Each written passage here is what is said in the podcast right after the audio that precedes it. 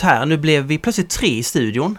Eh, det är Fredrik Berggren som har kommit. Välkommen Fredrik! Tack så mycket. Du, men varför, ehm, varför är du här? Eller, eller rätt sagt, har vi frågat dig att du ska komma hit? Jag, Olle frågade för ett par dagar sedan. Ja, Ja.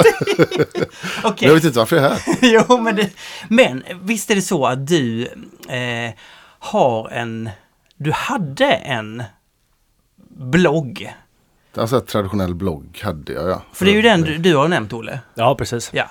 Ja, så skriver jag lite, fast inte i bloggform, men mer Facebook och Instagram. Facebook. Under, under eh, Double Bastard Beerblogg. Double... Du, vad, vad, vad är det för namn?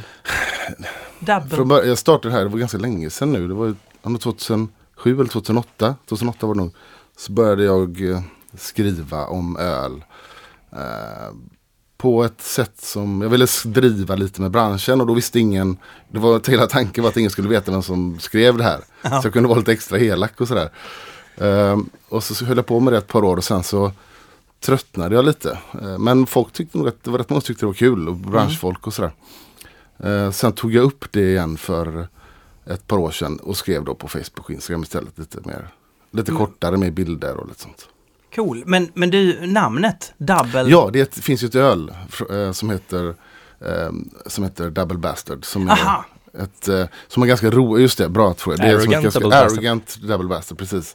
Och som är en eh, ganska rolig så här, text eh, på baksidan där de driver med liksom, eh, folk som dricker eh, tråkig öl, ljus, pissig öl. Det var det, Det- första så här, arroganta ölet som verkligen så, här, satt, så att folk var, var idioter på ett roligt sätt. Racka ner på an, annan öl Ja, helt enkelt. precis.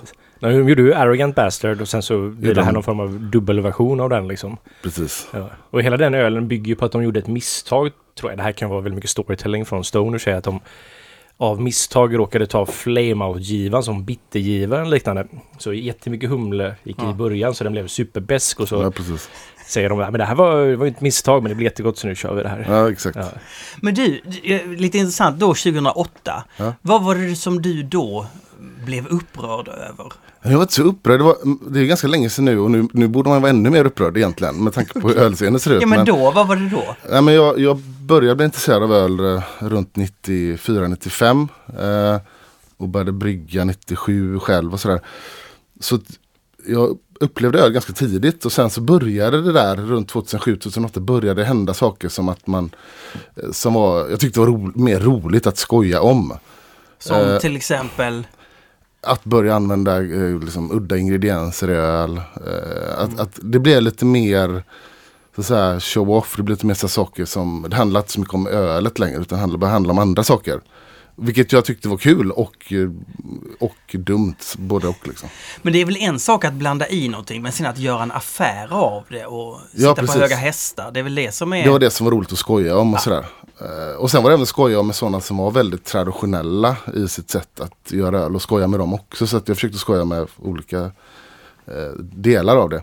Mm. Och så kände jag för ett par år sedan att nej, men nu är det för fan, nu är det ju helt extremt. nu nu, nu måste, man, måste jag skriva lite mer om det här. För att det har liksom gått överstyr på många Mm. sätt. Då. Ja, ja, Även om jag tycker det är kul samtidigt. Liksom. ja, just det. Men nu har du en Instagram. Ja, Så man kan- och Facebook. Ja, precis. Ja. Face, med Facebook. Ja, men det, nu är fler som följer mig på Facebook men det kanske är för att det är så, gamla gubbar. Jag brukar säga så. Ja. Men jag minns en, någon när du hade bloggen för länge sedan när du... Om det var, man skulle... Man fick gissa vad som var saker som hade hänt. Mm. Eller vad som inte hade hänt. Just det. Som ändå var så här att... Jag kommer ihåg att jag läste den så blev jag så här... Jag vet faktiskt inte. Nej. Nej men precis, det var, det var när Mikkel hade gjort det här ölet med den här eh, kaffe, eller den här bönan som eh, Ja, just det, ja, den... um, små djur bajsade ut och så tog man den. Koppelewack heter den va? Just det. Ja, Det var en kaffeböna va? det är en kaffebönna, ja. Ja. precis. Och sen så bryggde man öl på det. Det var ju så här det första så här, starka sånt typ av öl som man Genialt! Ja. Och då lyfte jag upp några andra exempel och bara hittade på att, och ville ska man gissa vilket som stämde och inte. Ja. Och då så tyckte folk att det var nästan svårt. Och nu är det ju verkligen helt omöjligt att svara på det. Ja, ja, det är... precis. Ja. Eh, och ehm, nu, du, nu, nu i julas så gjorde du en... Du, du och någon till. Men Peter Eronsson, ja. vi gjorde en liten eh, julkalender då vi, vi tyckte att det finns så mycket öl som eh, har byggt upp eh, ölscenen, den svenska ölscenen, svenska öl då. eh, Mm. Ja. Som det inte pratas om Ja. idag. Och som eh, några av dem finns, många finns kvar, några finns inte kvar. Men jag tänkte det kan vara kul att berätta lite så här, vad är det som, vilka öl har varit viktiga för det som har hänt liksom. Och då lyfter vi upp ett öl per dag. Det jag uppskattade väldigt mycket med den var att jag fick lära mig så mycket eftersom ni, ni skrev ganska mycket. Ni hade en intervju med någon huvudperson och man, man fick en riktig historielektion. Ja, och, det- och det var lite så här ha-upplevelse också för oss. För att det, vi började skriva mer och mer. Första inlägget var inte så mycket men sen blev det mer och mer. och sen sa folk att de gillade att det var mycket text. Vi tänkte så här, Ja. det är ingen som kommer orka läsa det här. Folk orkar bara titta på bilder. Men, men folk gillade det. Ja, det var jättebra. Jag lärde mig jättemycket också. Ja, det fanns kul. flera öl som jag aldrig hört talas om. Som är långt före min tid såklart, sen jag började dricka öl. Men, Ja, ja, ja, det var jätteintressant. Och då tänker jag att det vi det vi då har bjudit hit dig för är ju för då att vi gör en ny typ av, inte då julkalender, men en annan typ av kalender. Eller? Nej men alltså att vi, vi på något sätt uppmärksammar världens öl som Mm. har betytt någonting eller som har något att Precis. säga eller som precis. är milstolpar. Eller som Mm. bara vi tycker är viktig på något sätt. Och det, man kan säga så här Olle, det här hade inte du och jag klarat själva. Nej, precis. Nej, Nej men det är alltid gott att, att få in liksom lite input. lite kredibilitet liksom. Men det, och den här då som eh, vi har druckit till idag, London Porters Fuller, Fuller Porters London. Fullers bryggeri. Fullers bryggeri, Ja, jag har gjort- jag har gjort en öl som heter London Porter. London Porter. Ja. Varför valde vi den? Är det, är det för att eh, Fredrik har bes- bestämt det? Nej, eller? Olle, men jag skulle också varit, ta- valt den. Ja, Men för- okej. det- För mig är det att jag har en väldigt, det är så här det är en eh, anknytning, det är, så här, det är den ölen när jag började dricka hantverksöl så var det den och Youngs Double Chocolate Stout som jag drack mycket av. Det var de två som var så här. Det här tycker jag är gott. Och de fanns alltid på Rover. Så det var liksom de två som fick mig. Och Youngs Double Chocolate Stout tycker jag inte är sådär jättegod idag. Men den hade sitt syfte då för mig. Men Mm. den här dricker jag väldigt ofta. Porter. Porten helt enkelt. Mm. Det är en perfekt...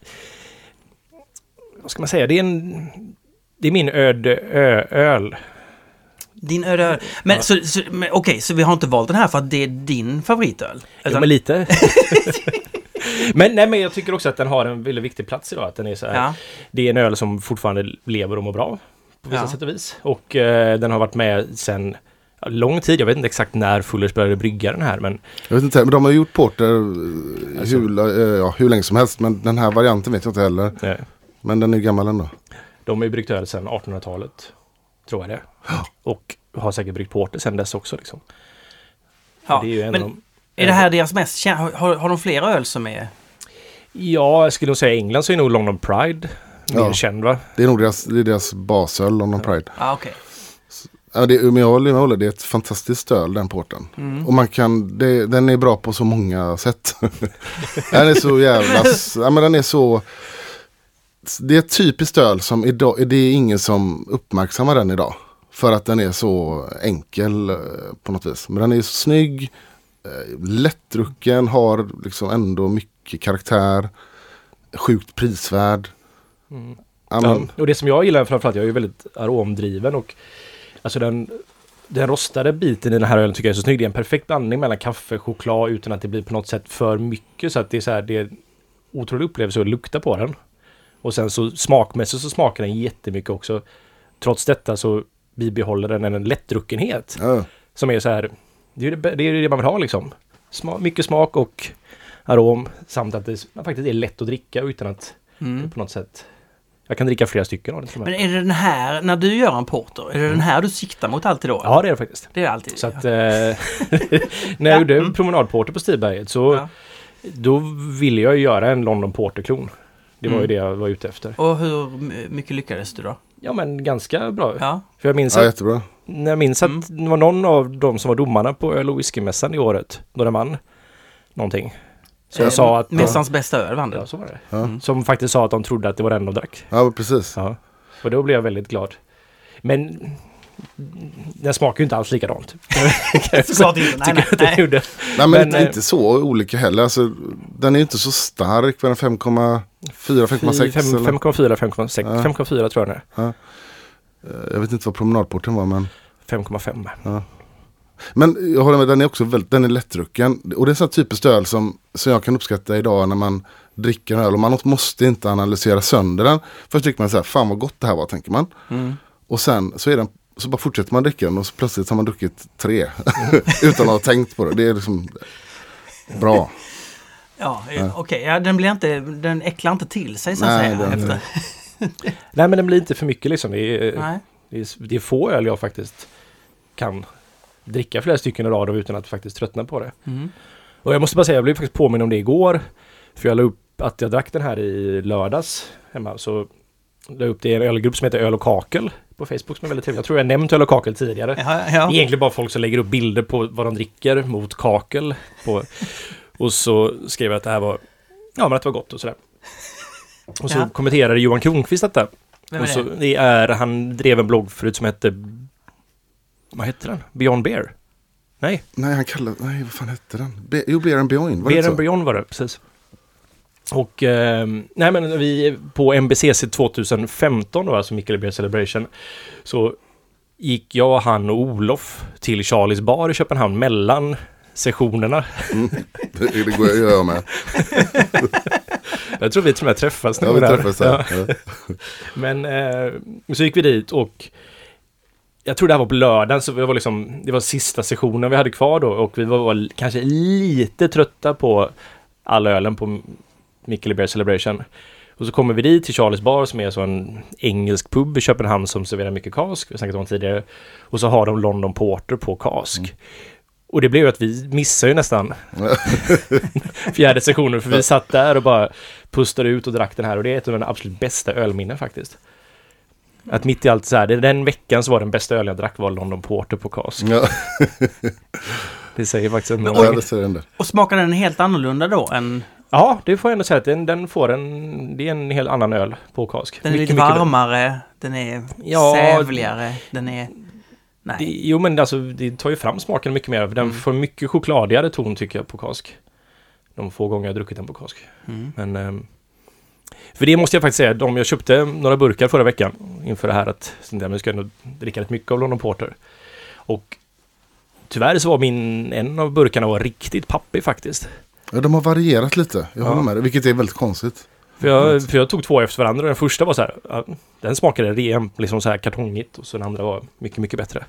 Men de kanske bara försöker få in en hantverksbryggerisjäl och få vara lite sajiga. Ja, alltså det, de det är ju inte trovärdigt om man bara brygger väldigt jämn öl Nej. hela tiden. Eller, eller vadå? nej, precis. Ja. Ja. Ja. Jaha, okej. Eh, Jag har aldrig, du har varit på Fullers va? Jag har varit på bryggeriet ja. Ja, jag det har är aldrig väldigt charmigt gammalt bryggeri. Men är, de har 100% av sin produktion där i Chiswick eller vad det heter? Det tror jag. Ja. Ganska säker på det. Eh, och det, är- det är ett stort bryggeri. Det ligger Ja. mitt i så här, eh, ja, det, det fina London. Liksom. Ehm, och så lyssnade jag på någon provning med ehm, han som var bryggmästare tidigare. Jag minns inte vad han heter.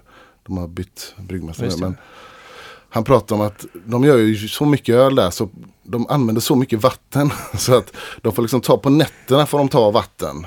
Eh, för att liksom, det var att det tog slut så de som bodde där kunde inte ens duscha på morgonen. Liksom, så att, lite kul. Vadå, de tog det på morgonen så folk inte kunde duscha? Nej, men det, hade, det var tid att de tog det under dagen men nu liksom Ja, fick ja. de så här, ta vatten på nätterna för Ja. att säkerställa att det fanns tillräckligt. Ja. ja. ja, det går åt mycket öl när man brygger öl. Eller vatten när man brygger öl. Mm, okej. Så de är, de- Fullers är ett av de bryggerierna som är de äldsta i England och som finns kvar, eller? Jag sa att det är det äldsta som är så här fortfarande fristående. Mm. Ah, ja. Eh, familje, på något vis familjeägt. De har väl säkert någon annan ägare också men det, är- det är ändå helt självständigt. Så att säga. Precis. Men de äger fortfarande rätt många pubbar och så också tror jag. Ja men det är de. Ja. Så att... Och de är ändå med lite grann. Det finns ju många så här, traditionella brittiska bryggerier som har försvunnit för att de inte anpassar sig eh, till Mm. nya marknader och sådär. Men Fullest försöker ändå vara med märker man. mm. Och de gör det smakfullt och lagom. Precis. Det är inte så att de ger upp allt gamla och hoppar rakt in i det nya utan de... Ja, Men en och annan IPA gör de väl? Ja. Eller? Jo men det gör de. Men det är inte, det är inte... lite juice-IPA direkt. Inte? Nej, nej. Så det är ingen som vill ha det. Nej men de gör ju massa, vad heter de årgångsölen de gör? Jag har massa sådana stående hemma. Um, Harvest, nej? Jo, nej, de gör de har Harvest. här, vad heter den? Gör de inte en Harvest Ale också kanske? Nej? Osäker på vad, om de gör en Harvest Ale. Men vad heter det? Den kom ju nu bara för några veckor sedan. Ja. Den årgångsölet som är Precis. lagringsbart. Typ Barley Wine-aktigt. Fast lite svagare. Lite svagare. Mm. kommer inte ihåg vad den heter. Härligt ändå. Brewers Reserve vill jag säga, Ja. men det var det inte. Jag måste ha kaffe alltså. Ja. Eh, så att vi går och tar kaffe. Eh, nu tog vi kaffe, en underbar liten paus. Eh, eh, och vad konstaterar vi då? Jo, Ja, angående London Porter. Det här är ju en öl som den finns ju på bolaget och den finns ju på burk på bolaget. Vilket är nog ganska spännande Mm. faktiskt. var, varför, vad då då? Ja, men det, är väl, det är väl en otraditionell förpackning för Ja. en porter faktiskt. Och för det bryggeriet också. Ja. Oj. Men Jag vet inte, de släpper de andra öl på burk? Jag har faktiskt inte sett något annat på burken ser jag nu. Nej. Varför tror ni när de gör det då? VSBn och London Pride i flaska. Och... Ja, har inte de så här 50 cent? Nej. Jo, de har ja. både 40, 33 och 50 på flera. Ja. Mhm. ja, men det är ju bara roligt. Men, men, Tror ni att är- de sa så? Men det här är ju lite roligt. Ska Det vi... är för att det är så jäkla gott och lättdrucket så man kan bara hålla en burk var man än Ja. är och bara helst. Man ska ha med sig den på jobbet. när man hämtar Man barn, alltså allting. Ni nämnde någonting om eh, priset. Vad var, alltså du sa ju tidigare att det, det är en, den är väldigt prisvärd. Mm. 23,30 kostar den på bolaget. 23,30. För Ja. 50 centiliter. Liksom. För 50 centiliter, ja. Ja, det är, det är väldigt bra. Och det är ett konstigt pris, men jag tror det var för att den, för jag vet att den kostade 19,90 förut, men de höjde ju alkoholen, alkoholskatten för ett år sedan, så jag tror det bara är en sån automatisk Mhm. eh, prisökning det blir då. Ja. Liksom. Mm. För ingen väljer att sälja den för 23,30, tänker jag. 23,30. Jo. Eller man väljer... Eller? Eller? Varför just 23 och 30 liksom? Men, eh, nej men det är ju det är jättebilligt för den här, hur bra den här ölen är liksom. Alltså det är ju, ja. Ja. det är mycket öl, 50 centiliter. Mm. Och, ja, Och så bra. Vi tittade på bolagets försäljningsstatistik förra året. Så i deras sortiment, beställning och ordinarie fanns det över 300 listade Port Stouts. Porter Stouts, ja. Ja, och den här var topp, typ topp 3, topp 4 på mest eh, så här, billigaste egentligen. Eh, och det som var före det var något obskyrt som sålde i 10 liter. Som, jättekonstigt. Men, och med tanke på hur bra det är och så är det liksom, och så billigt så är det ett kap får man säga. Ja. ja. Ja men det är det faktiskt. Det är, det är extremt prisvärt. Ja, nu tycker jag att ni, ni som lyssnar här, skicka gärna in så här om eh, var det här en fullödig, härlig... Förväntar ni er det här, det här snacket av... eh, Prisvärde, vi pratar ja. bara prisvärde. Här är Alkohol. listan över de mest Ja. prisvärda ölen på Okej, men om vi till, till nästa gång nu, äh, alla som... Men vi har en gång till. Vi, En- en ja, en, en- sak till. en vi sak kollade också på mer statistik från Systembolaget Ja. och den här var på fjärde plats över de mest säljande mm. Porter Stout på Mm. Systembolaget och i Mm. det som var innan var väl typ tre olika versioner av Guinness. Guinness liksom. Okej, Ja, så det här sålde, den sålde förra året 75 000 liter var det någonstans Mm. där. Och det är ju jättelite. Alltså det här är då den, om förutom Guinness så är det här den Mm. näst säljande, mest, Mm. näst mest säljande ölen i Porter Stout-kategorin på Systembolaget och den säljer bara 75 000 liter.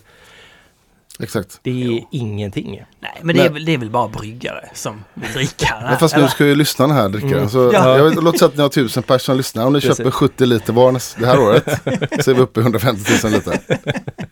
Precis. Så nästa år vi kan vi hoppas på att, jag vet inte, 76 000 liter i alla fall. Eller något i den stilen.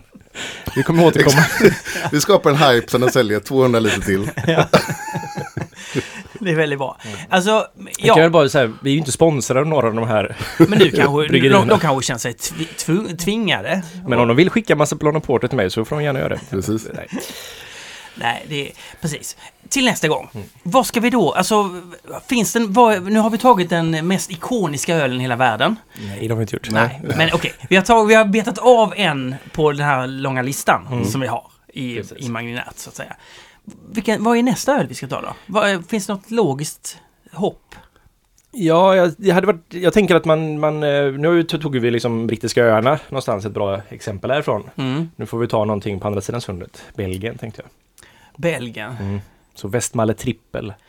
Västmalle. Ja. Trippel. Vad är det? Det är alltså en trippel. Det är en trippel ja. Vad betyder det? ja. Det är att den är stark och ljus. Den är stark och ljus. Ja. Vi har ju pratat om de här belgiska ölen Mm, det för har vi gjort. fruktansvärt länge sedan. Nej, ett och ett halvt år sedan. Jag kommer inte ihåg någonting.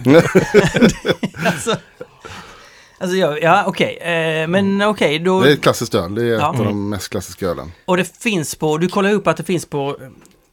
Slabbar du lite? Ja, jag spiller väl Ja. min ja. här. Ja, men inte öl. Kaffe menar jag, förlåt.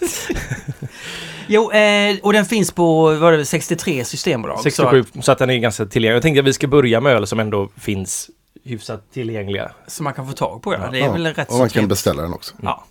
Eh, så då, då dricker man den och tittar på Michael Jackson avsnitt två.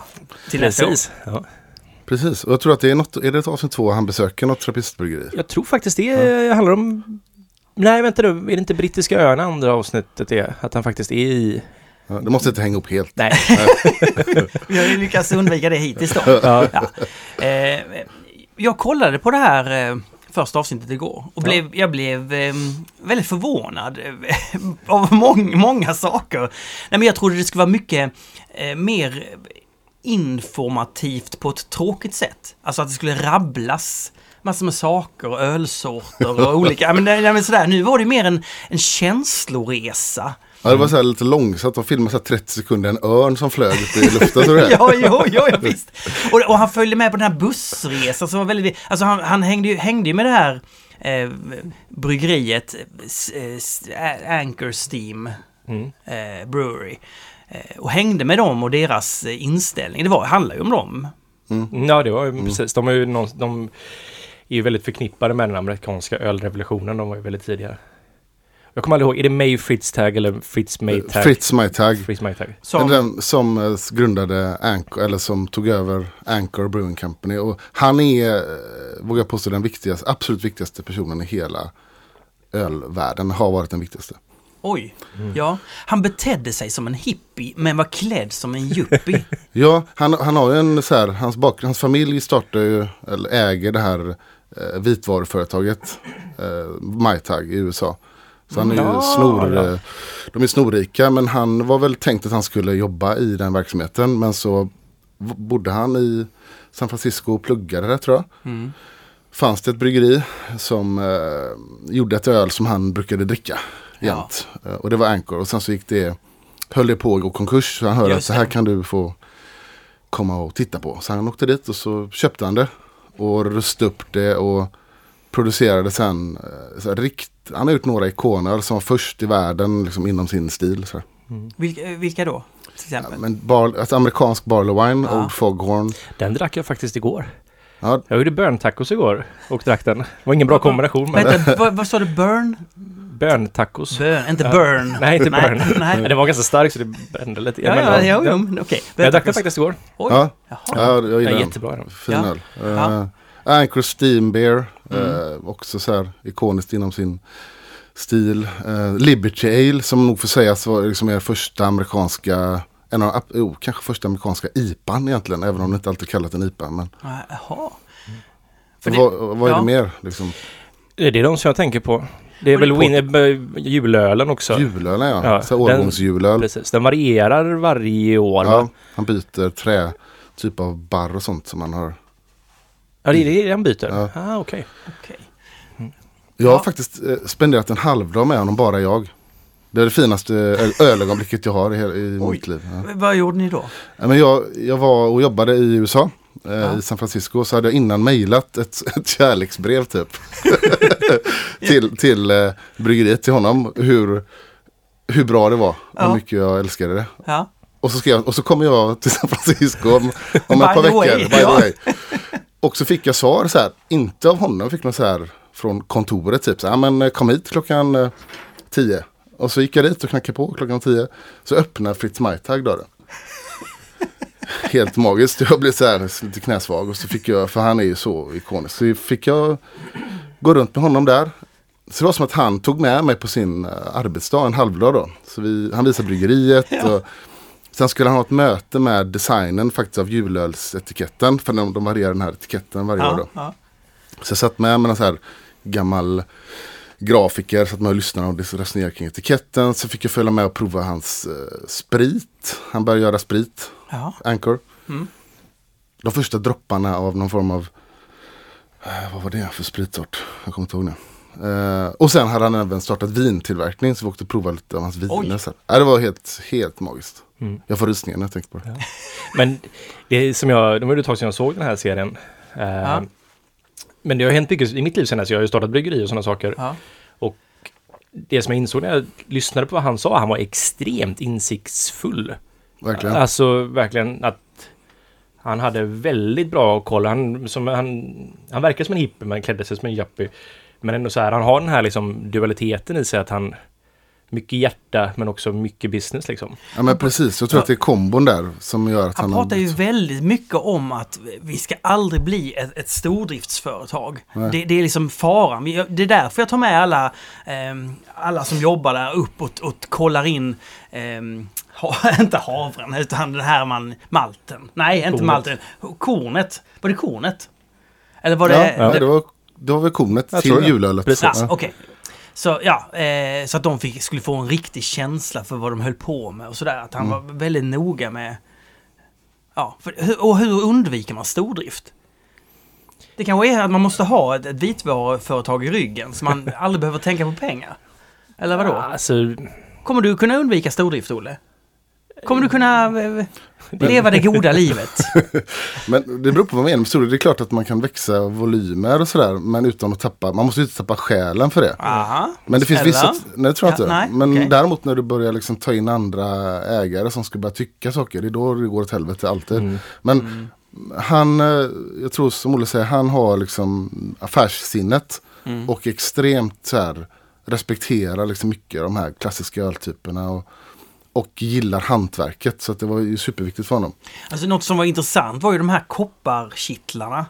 Det var, det, det var, Ja, det är ett väldigt vackert bryggeri. Ja. ja. men jag tyckte också det var fint att han när de gjorde om bryggeriet då att de gick med koppar för att det är vackert att se på. Det Ja. finns ju bryggtekniska fördelar med koppar för att man får Aha. mycket av mineralerna som behövs för jäsningen och sådana saker från kopparn. Va? Eh, ja. så det, men sen så och det är lätt att helt, hetta upp koppar och sådana saker. Mm. Så det, trans, eller så här. Men rostfritt är bättre ur rengöringssyften och allt så här liksom. Mm, men det var väl, ja. Ja, men just att han pratade om hur viktigt det var att det är ju hjärtat av ett bryggeri. Mm. Även om alltså, man ska inte hymla med om det här med att bryggeri är ja, det är ju fabriker. Även om det är Mm. hantverksbryggerier så är det ju en väldigt lätt blir en fabrik liksom. Ja, oh ja. Och så är det, det ska man inte liksom skämmas över. Men här tog han det och var så här, det här är hjärtat, det här är mitten, det här ska vi titta på. Kontorerna ligger runt omkring så inte business-sidan hamnar liksom i en annan byggnad någon annanstans långt- långt bort liksom som är helt frånkopplad precis. för produktionen liksom. Och baren är centrerad inne i bryggeriet med kontoren runt om baren där. Och han, är, han gillar väldigt mycket europeisk ölkultur. Eh, nu äger han inte längre företaget, han har sålt det. För komma ihåg, han är ganska gammal idag Mm. så han vill Ja. trappa ner.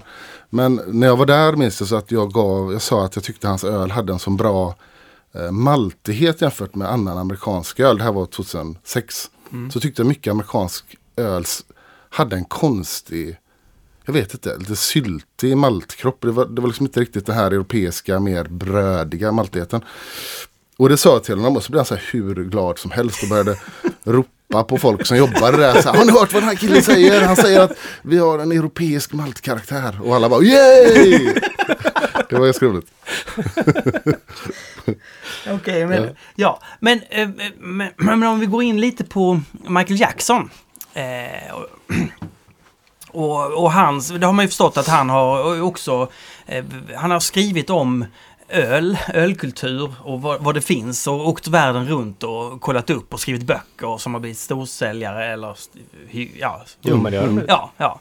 Eh, så, så det kan man ju säga. Men, men varför tror ni han började första avsnittet i... Är det för att han tyckte kanske att det här var det mest ikoniska eller viktigt?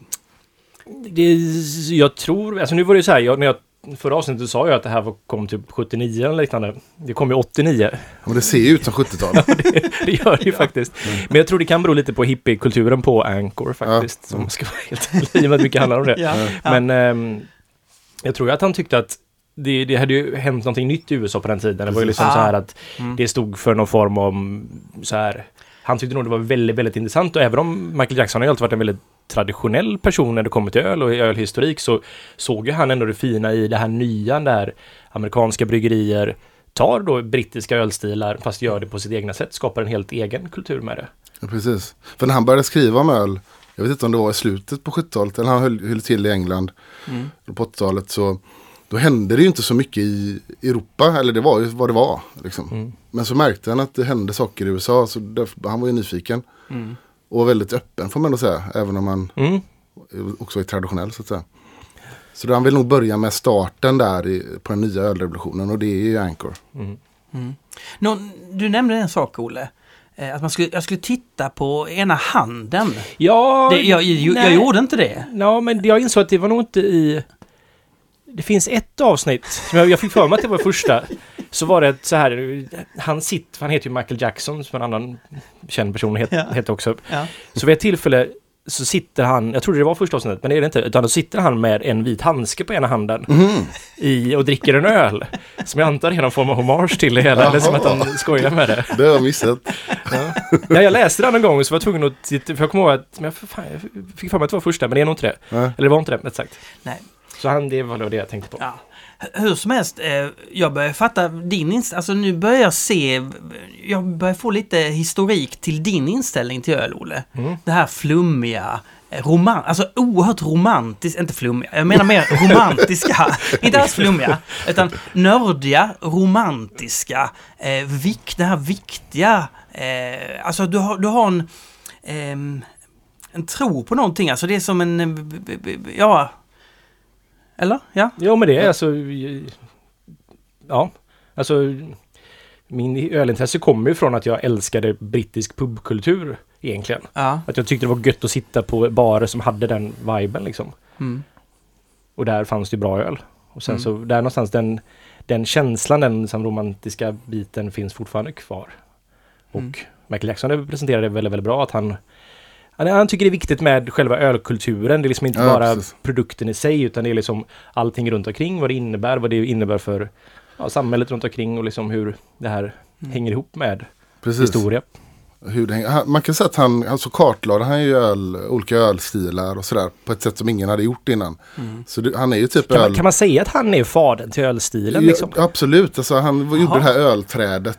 Han var ju först liksom, han kategoriserade öl, liksom, hur de var besläktade med varandra. Så, så man, man kan lite pretentiöst säga att han är ölvärldens eh, Carl von Linné. Faktiskt. Ja, ja, visst. Ja, han är ju så sjukt viktig. Och det, det är det jag tycker lite, det finns en historielöshet idag i ölvärlden. Man, liksom, man vet inte ursprunget till olika saker. Och det, handlar inte om att man måste liksom eh, läsa på några hundra år tillbaka i tiden. Vi pratar om tre, kanske 30 år tillbaka i tiden. Man kan, Mm. Som saker har haft betydelse 40 år tillbaka i tiden. Och han kartlade det på ett sätt som ingen hade gjort. Men det är inte så många som eh, bryr sig om det idag. Det finns en form av Nej. det är så här ny, det finns något nyrikt idag över allting som bara man skiter i. Precis. Millennials. Ja.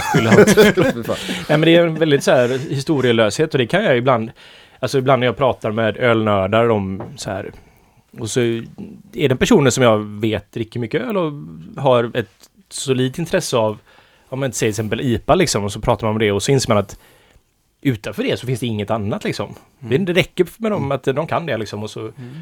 Men ja, det är liksom så här, de förstår inte IPAns plats i ett större sammanhang och sådär.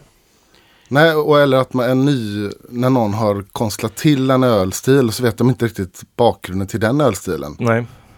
Eh, För ibland så blir ju det väldigt fel kan jag tycka. Mm. Liksom det, ja, man får konstla till ölstilar men absolut. det får gärna finnas en form av eftertanke kring hur, var den kommer ifrån och sådär liksom.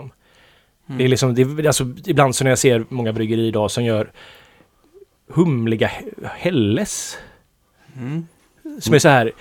Fast, eh, kan vi inte kalla det eller så här... Inte en är ju... Det är ju liksom... Där har man inte så mycket humle, det är det som är grejen med den.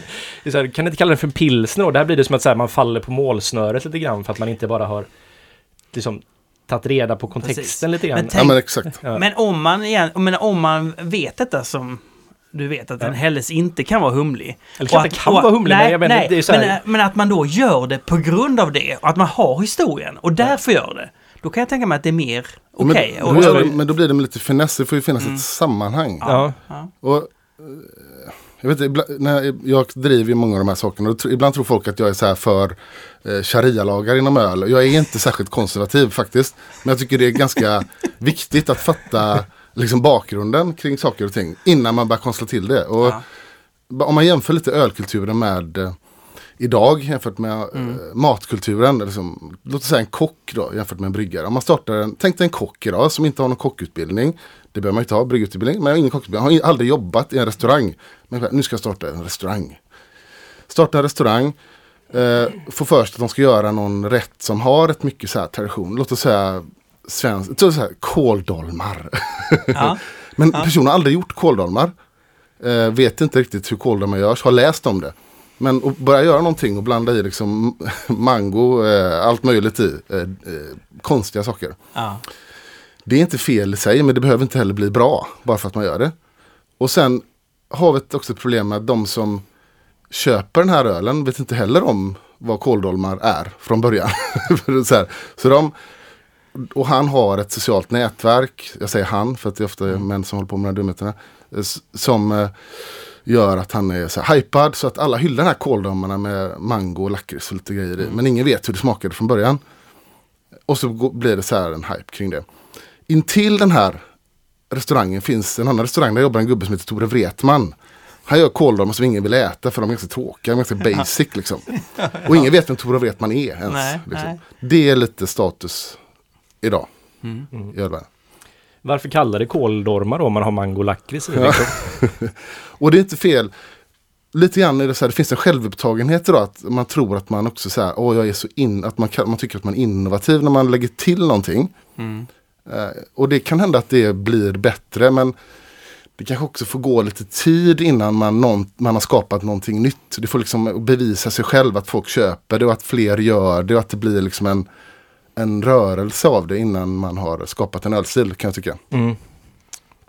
Jag håller helt och hållet med. till 100%. Jag, jag tänker också ofta att, att någonting som har skapats under lång tid, som har blivit en kåldolme, smakar också så för att den, den kanske har lingon, jag vet inte, nu, nu hittar jag på för jag har Mm. inte Tore Wretman. Den kan ha lingon och en sås till sig och då, det, det kanske blir en bra kombination. Mm. Kåldolme är torr, då har man såsen till. Den är, den, Mm. den är lite, den är, den är inte så syrlig därför har man lingonen till. Alltså man kan få en, en enhet där som skapar en väldigt fin kombination av smaker. Eh, Precis. som har kommit fram under lång tid. Om vi, de här mikrofonerna vi tittar på nu här. Mm. De är byggda av en, en snubbe i USA som eh, fick en förfrågan på 90-talet. Eh, det, det var någon som skickade en klassisk eh, Neumann-mick eller vad det var till honom och sa jag tycker inte den här låter så bra. Och då gjordes de i Kina. Och då öppnade han upp den här och så såg han bara, men varför har de satt den här dioden här och den här? Det var så många olika komponenter som han bara rensade ur. Bara förenklade tills, och så skickade han tillbaka den och så lät den fruktansvärt bra när den var liksom... Mhm. han, han tog bara bort saker eller? Han Ja, inte så? ja, det är mycket möjligt att han också sa så här, den här Återigen, transistorn, den här lilla transistorn kan man inte använda, man måste ha en riktig kvalitet på saker och ting istället. Mm. Eh, så nu, nu, nu har jag, de här har jag köpt för att eh, eh, ja, de, de är väl eh, lika bra som kopia, eller original. Ja, hur som helst. Ja, det var ju Mm. en härlig ljudreferens. Ja men jag fattar. Ja. Ja, eh, jag är med er. Eh, på vad det, vi har precis. Mm. Så att det, det, ja, att kunna någonstans grunden och veta vad det är innan man börjar uh, mixtra med den kan Precis. ibland vara bra. Ja, just det. Det Och, är alltid och, bra att, så här, att ha en form av bas i det man gör. Liksom. Ja. Det är ju, det är, man, får jätte, man får hitta på vad som helst men om man bara hittar på vad som helst så kan jag, kan jag i alla fall ha lite svårt att respektera ett bryggeri eller vad nu det handlar om. Mm, Man måste visa någonstans att man kan grunderna i det hela. mm. I alla fall ha någon form av, man inte bara är helt rotlös. Och, då kan man, mm. och då kan man ju säga att Michael Jackson här är en väg in i hela det här. Att han, eh, via honom så kan man få den här historien. Det är en väg, ja. Ja, men Precis. lite så. Ja. Eller? Har du läst hans böcker eller? Ja, det har jag gjort. Eller? Och du, Inte, du? Ja. Jag har två, nej jag har nog fler faktiskt. Jag hittade massvis av böcker som hade ett paket en gång. På en sån här antikvariatsbokhandel. Jag bara gick in för så här, typ vänta på en spårvagn. Och så bara, här är ett Michael Jackson-paket. Ja, Så då köpte jag det. bra. Ja. Jag har träffat honom eh, och skickade svensk öl till honom. Faktiskt. Jaha. På, I slutet på 90-talet. Ja. För att jag ville att han skulle upptäcka det. Och så vad vi hade. Det var ju så här. Det som fanns i Sverige då. Alafors. Eh, Mm. lite sån här. Eh, vad var det mer? Men var det Östgöta överhuvudtaget... blåbärs. Tror du att det skulle vara intressant för honom? Absolut, för Ja. han, han gav ju ut en bok liksom, där han eh, Ja, betygsatte öl från hela världen. Så han Mm. ville ju testa nytt sådär. ja, ja. Eh, men sen så fick han väl Parkinsons. Mm. Och det var ju lite så här, jag kommer ihåg, han var ju med på Letterman och Conan. Och det finns så här, om man söker på det så finns det så här, han blev lite av en pajas för många tror jag i slutet. Mhm. Vilket jag tror inte så här, för han hade glömt stänga gylfen. Man blev lite, precis, det blev lite sorgligt. Och Mm. När jag träffade honom eh, och fick, det var en så här boksignering på mässan i Stockholm. Ja. Så då visste jag inte att han hade Parkinsons. Jag tror Ja, han höll det hemligt höll det fram tills ganska strax innan han dog för mig Ja. faktiskt. Och då satt han och signerade och då minns jag så väl att han hade en öl framför sig. Och så, så skakade hans hand så jävla mycket. Och så skulle han skriva autograf och så tänkte jag så här, vad sorgligt. Jag tänkte så här, men ja, allt alkad tänkte jag liksom, satt och skakade. Mm. Men det var ju Parkinson så ingen visste om det. Och ehm, Men, och så han, han höll på att skriva en bok som han aldrig, han dog av en hjärtinfarkt tror jag 2007. Och så han på att skriva en bok då som hette I'm not drunk. Han, för att det handlar om hans Parkinson. Mm. För att det var ju så här, folk trodde verkligen det så han fick en, ja, han var tvungen att förklara sig på något sätt. Och till slut så gick han ut med att han hade Parkinson så att det Mm. var det. Men där tycker jag vi stoppar. Så ser vi på avsnitt två till nästa vecka. Mm. Mm. Det är bra. Nästa månad. Säger jag? Jag bara lägger, Ja, just det, vi gör det en gång i en månaden. gång i månaden gör vi det Det är här. bra. Tack Fredrik, vad roligt att eh, du var här. Vi ses, då ses vi nästa... det vet jag inte, det får ni bestämma. Ja, Jaha, du kan, det kanske vi kan bestämma bara. Om jag kommer hit eller inte, absolut. Jag kommer gärna hit. Men, Det eh, klart ska ja. komma hit. Ja. Det, det blir Det får ny, göra. Ja, kul. Det blir en ny energi. Är det så? Om det är en bra energi, det vet jag inte. Nej. Vi är lite trötta på varandra i det här laget. Ja, exakt. Nej, Olle! Ja, det är Jag skojar bra. bara.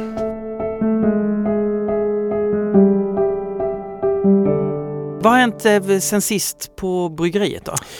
Eh, Jag vet inte, inte så mycket. Jo, vi la, nu har ju Erika börjat jobba hos oss. Det snack, snackade vi om att sen att hon skulle börja göra. Ja, Ja, blir det mycket eh, prat på engelska nu då? ja, ja, ja jättemycket. Eller amerikanska. Hon pratar ju hon är amerikan. Jo, det är sant. Jo, sant. men det, det, det, nu pratar vi ju engelska på bryggeriet. Ja. Förutom jag och Olof då, om vi själva så kan vi. Mm. Men jag har märkt att det ibland är svårt att ställa om. Ibland så står jag och Olof och pratar engelska Ja, fast det inte finns någon anledning att göra det. men eh, ja. Mm. Jag, jag minns det, Alex då som jag mjöd och så, det var också någon gång när jag så här började prata engelska med honom fast det är också helt onödigt. Men vad, vad gött det är att uppdatera sin engelska ändå. Mm. Att, att hitta alla ord som man... Ja, nej, men man kommer in i det och Ja, jag inser också att jag börjar ju tänka på engelska ganska snabbt. Jag står ju om eh, till att eh, ha, tänka på engelska Ja. faktiskt. Ja. Och vad gör ni nu? Alltså sätter du in henne i hur du brygger öl? Eller vad? Ja, alltså Erika har ju väldigt mycket kunskaper. Hon har ju en, alltså hon kan det här hon kan teoretiskt så här. Så nu handlar det mest om att lära henne praktiskt så här och det går ju väldigt Ja. snabbt. För dels har vi ett väldigt enkelt bryggverk Mm, och mm.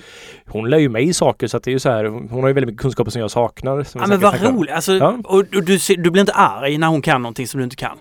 Nej, det tycker jag är ganska... Vilken tur! Ja, Nej men men jag vad... hade jag varit lite mer eh, ängslig kring min egna kunskap. Så här, jag, jag vet att jag kan göra öl. Ja. Jag vet också att jag kan väldigt mycket saker i öl jag inte kan. Nej, då hade du anställt någon annan. Om, om, du, om du hade varit jätteosäker och inte ville få det flashat. Eh, att du Ja, inte kan. precis, då hade du anställt kanske- som inte... Nej men, så- ja. Ja. men vad... vad, vad, vad, Ja. Men det vi försöker göra nu är att hon ska... För att om, om jag är sjuk till exempel mm, så får inte produktionen stanna. Det viktigaste Nej. är att någon kan brygga öl. mm. Och det var ju bara jag som kunde göra det förut på Oho. Så att Ja. nu, är, nu får hon mer och mer bara brygga själv kan man säga.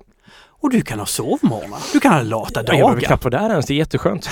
Alltså, nej, det, men det, nej men det vi vill i alla fall få en så, här så att hon är helt självgående om hon skulle behöva brygga Ja. själv en dag. Nu har jag Ja. gjort det bredvid varandra men Ja. mer och mer så, liksom, så bara låter jag henne köra på liksom. Och framförallt, du behöver inte ha 10, 11, 12, 13, 14, 15 timmars dagar längre. Nu hade jag ju två 16 timmars dagar förra veckan. Men just det. det. var ju för att jag inte nu...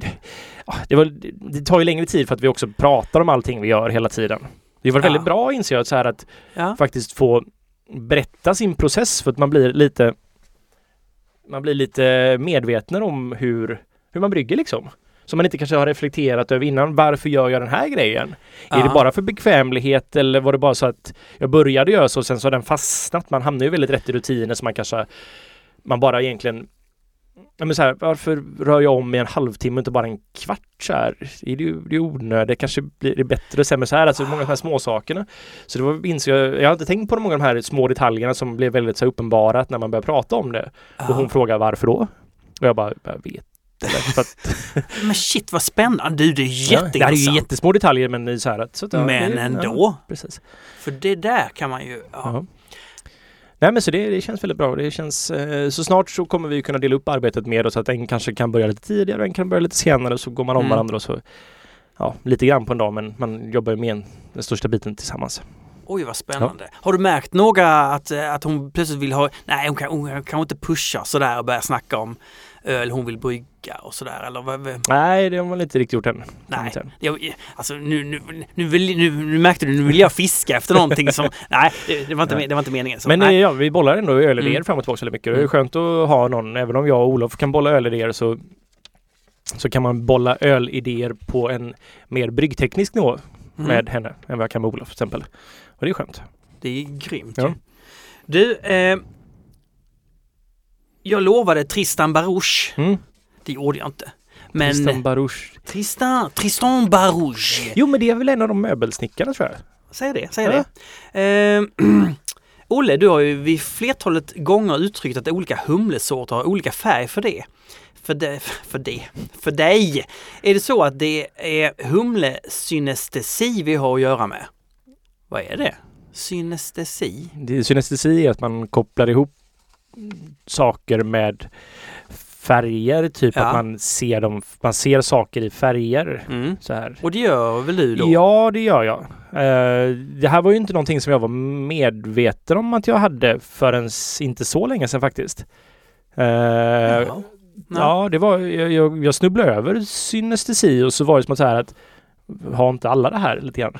Ah, och då undrar han så här, eh, gäller det här andra delar eh, i ditt sinnesliv?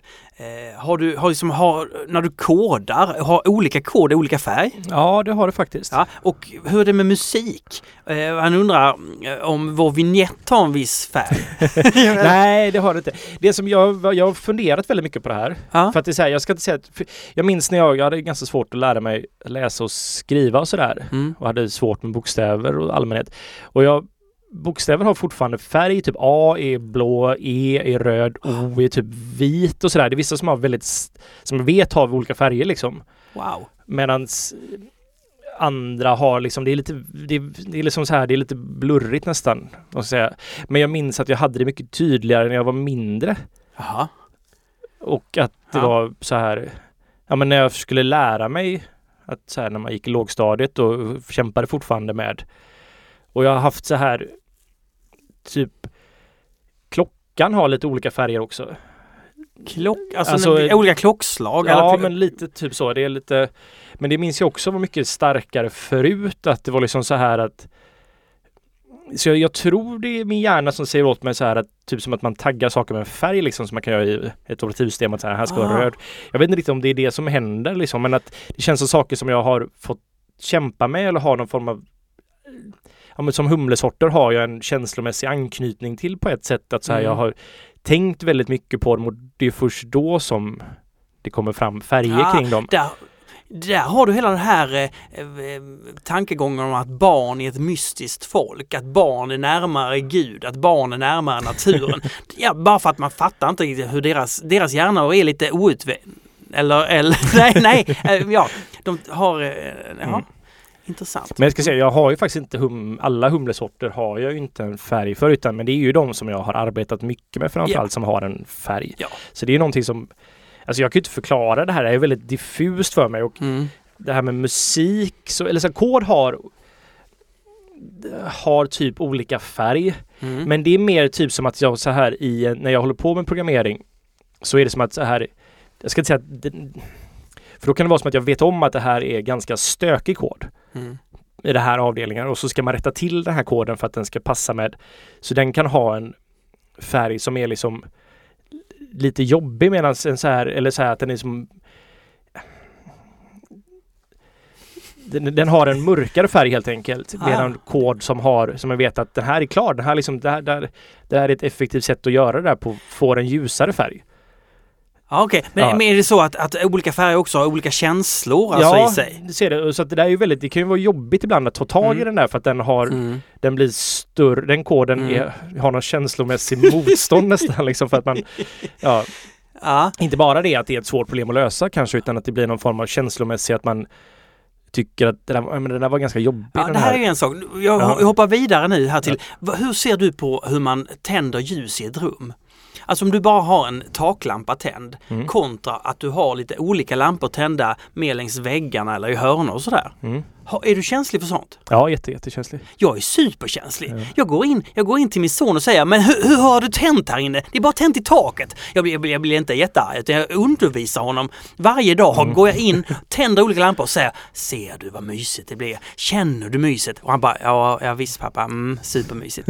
ja, alltså, Ja men så, det är jag jättekänslig mot. Det måste finnas en, jag vill helst ha många olika ljuskällor mm. och att man Ja.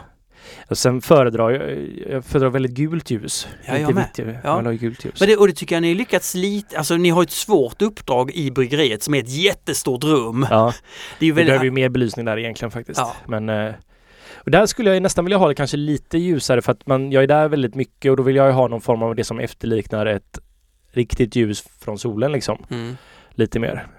Kanske. från solen. Ja men det är väl ljusare ljus. Mm, Det ja. inte så gult liksom. Det är inte det varma. Du, Men jag, jag, kan bara, jag, har, Ja. jag tänkte också på det så här i och med att du skickade de här till mig igår, de här mm, frågorna. Och så kollade jag lite på dem och så såg jag den här frågan om Ja. synestesi. ja. Och så började jag tänka på musik och sådär. Och så, Mm. jag har faktiskt färger till en skiva, men det är en skiva jag lyssnar på minst två gånger i veckan liksom. Ah, Och det är en Afex Twin. Det är Mm. Afex Twin och Frank Zappa är mina två sådär. ja. De kommer jag alltid ha lyssnat på, aldrig Ja. sluta lyssna på. ja. Men hans, han har en skiva som heter Selected Ambient Work Mm. 85 till 92. Mm. Kan jag rekommendera till alla. En Ja. jättebra skiva. Den lyssnar jag på verkligen minst, minst en gång i veckan. Mm. Oftare flera gånger i veckan. Ja. Och där har jag färger kopplade till. Men den här skivan har jag lyssnat på Alltså sen jag var, jag vet inte, 16 kanske? Mm. Ja men väldigt, väldigt, väldigt mycket. ja, så det blir en färg när du, när du har umgåtts med den, när det har blivit någonting för dig. Precis. Liksom, Ja. ja. Det, det, är bra. Ja, men jag tror i alla fall hur som helst, det här var mycket mer Det var starkare hos mig när jag var yngre än vad det är nu. Mm. Dessvärre. Och jag, jag, jag, jag hade ingen aning om det här. Jag tänkte inte på att det här inte var någonting som alla hade. Fram tills för bara alltså, två, tre år sedan lite kanske. Så insåg jag att Jaha ja. Det är, bara, det är bara jag. Jag är speciell. Nej det här är, jag är, det här jag är en unik snöflinga. Nej men det är, ju- det är ju en ganska vanlig grej men Ja, okej. Ja, du försökte ta ner det lite grann. Ja, ja, mm. men ja det- det var, det bra. Mm, ja. Andra kan också brygga öl. Det, det kan de faktiskt. Men, ja, ja. Du, Olle. Mm. Nu måste vi ställa dig till svars lite grann här. Va? Eh, vi säger så här att du gör eh, dubbel-IPA. Tar du ansvar för det? Alltså jag menar det är fruktansvärt mycket alkohol i den. Mm. Folk dricker det. Jag såg nu på Instagram någon som hade eh, druckit den och bara Shit Olle, din öl är för god, sk- skrev hon då. Jag, jag trillade på cykeln och hade skapat knä. Och så Jag såg vidare. också det. Ja, men, men, men hur, hur tänker du på det här med alkohol, sälja den? Du pratar ju ofta om lågalkoholiga haltiga, att du skulle vilja ha lite, kunna göra mer 4,8 och sådär. Mm, och samtidigt så älskar jag att göra bara, alltså det här är en konflikt i ens egna, eller min egna, vad ska man säga, Mm. Din egna... moraliska ja. värld på något sätt. Så här, och att, Ja. alltså, alla får ju ta sitt egna ansvar på något sätt och men jag tänker mycket på så här, visst vi gör dubbellipor som har mycket alkohol och folk blir såklart mer fulla på det och de kanske är ganska lättdruckna och Mm, fruktiga och mm, kanske inte så här. Mm. Jag tänker på det. Jag Mm. tycker fortfarande inte att vi gör någon form av omoralisk att vi, eller det är inte omoraliskt för oss att brygga den här typen av öl på det sättet vi gör. Eh, det finns ju mycket öl idag som jag tycker går över den här gränsen ganska mycket liksom. Mm. Och det vi pratade tidigare om att man har när man har det är ju liksom, att ha godisöl och sådär kan jag tycka är där har man gått över en gräns. Och det är ju jag har faktiskt sett det. Morgondagens har ju, det är ju morgondagens och mikrofonbryggeriet och Omnipojo gör det här. Omnipojo har haft Ja. mycket marshmallows i öl. Ja. Mikrofonbryggeriet döpte en öl till Banana Split har jag för mig. Typ. Ja, Ja. kanske så. Ja. Mm. Och morgondagens har ju gjort lakritspulver och sådär. Mm. Och alltså när Omnipod, jag kommer ihåg att när Omnipod gjorde den här Hypnoompa eller vad den nu heter, Ja. tror jag det som hade marshmallow i sig. Och så är det så här att varför har de marshmallows? Det är ju bara liksom rent socker som, ja men det kanske finns lite andra. Det finns ingenting som är riktigt så här jättepositivt utan bara okej Ja. men det här är marknadsföring. Ja. Och tänkte jag, gud vad fånigt. Men ja, det, så är det liksom. Och så Men nu det här typ som morgondagens gör. Ja. Det är ju att jag tror till och med de har liksom samma logg eller så här, samma logotyp som hockeypulver. Oj, får de? Ja, jag antar att han har fått någon form av Ja. licens. Det är samma Ja. med den här Unicorn Balls. Är ju Ja. också att med vad som godisen har Mm. på. Så när man använder sig av en godisetikett Mm. på öl Mm. så är det inte bara som att så här, ja men det fanns ett syfte med att ha i godis i ölen. Här blir det ju bara någon form av ren mark... Alltså det här är ju så... Jag, jag tycker det här är jätteomoraliskt för att det här är... Tar man bort kontexten av att det här är ett hantverksbryggeri Ja. och det här skulle finnas tillgängligt så är det som att så här, vilken målgrupp riktar sig den här ölen till Mm. när den har alltså en godislogga på sig? Du, jag vet inte om eh, Jonas på morgondagens visste att du skulle säga det här. För, jag pratade med honom i telefon för jag behövde veta en sak. Så Ja. bara, Olle älskar min öl. Bara, bara så du vet det. Olle han tycker den är den bästa. Det tycker jag inte men Alltså Nej. smakmässigt så här visst, alltså Ja. många av hans öl Ah, okej. Mm. Jag tycker inte det är äckligt men inte min typ av öl Nej. för det mesta rent smakmässigt. Men jag tycker att han går över en gräns när det kommer Mm. när han gör de här ölen. Spännande. Ja. Det Ja. Så där kan, där finns Mm. en så här. Ja. Ja. just det. Men, det, men, men, men jag, ska, jag ska inte säga att eh, eh, min syster har ju ett eget ansvar såklart. Va? Mm. Men hon var ju på järnbruket. Mm. Och var, var det Massels du hade där kanske? Det är ju en dubbel-IPA. Mm, ja, Ja. ja. Och så drack hon sju. Det är klart. att det- Drick inte sju dubbelipor. Och du vill inte säga att det är ditt ansvar precis? Alltså, Nej. Alltså lite är mitt ansvar. Jag får väl göra Alltså vi gör ju den dyr. Det är, det är ett steg. Ja. Och så kanske lite mindre god då alltså. ja, jag ska hälla i något äckligt. Jag, får, Ja. jag måste ta med mina skor här lite grann. Oh. Ja. Ja. ja. Ja men cool. Nej men det är bra. Nej, men då, nej, men jag bara tyckte det är en intressant eh, frågeställning som jag aldrig ska lämna egentligen. Nej men jag, alltså, jag får väl säga att jag tänker mycket på det. Och Mm. jag tycker att man ska som bryggeri ta ett ansvar att faktiskt reflektera över vad man gör. Det är väldigt Mm. lätt att man fastnar i någon form av att så här säljet av öl Mm. gör att man tappar kontexten till att faktiskt öl är en beroendeframkallande produkt och Mm. ganska skadlig för en. Så det blir liksom lätt att man måste ha kvar den. Det är viktigt att tänka på det i alla fall som bryggeri. Man kan ha kvar den tanken där. Ja, Ja, för då kanske man reflekterar lite mer över hur man säljer sin öl.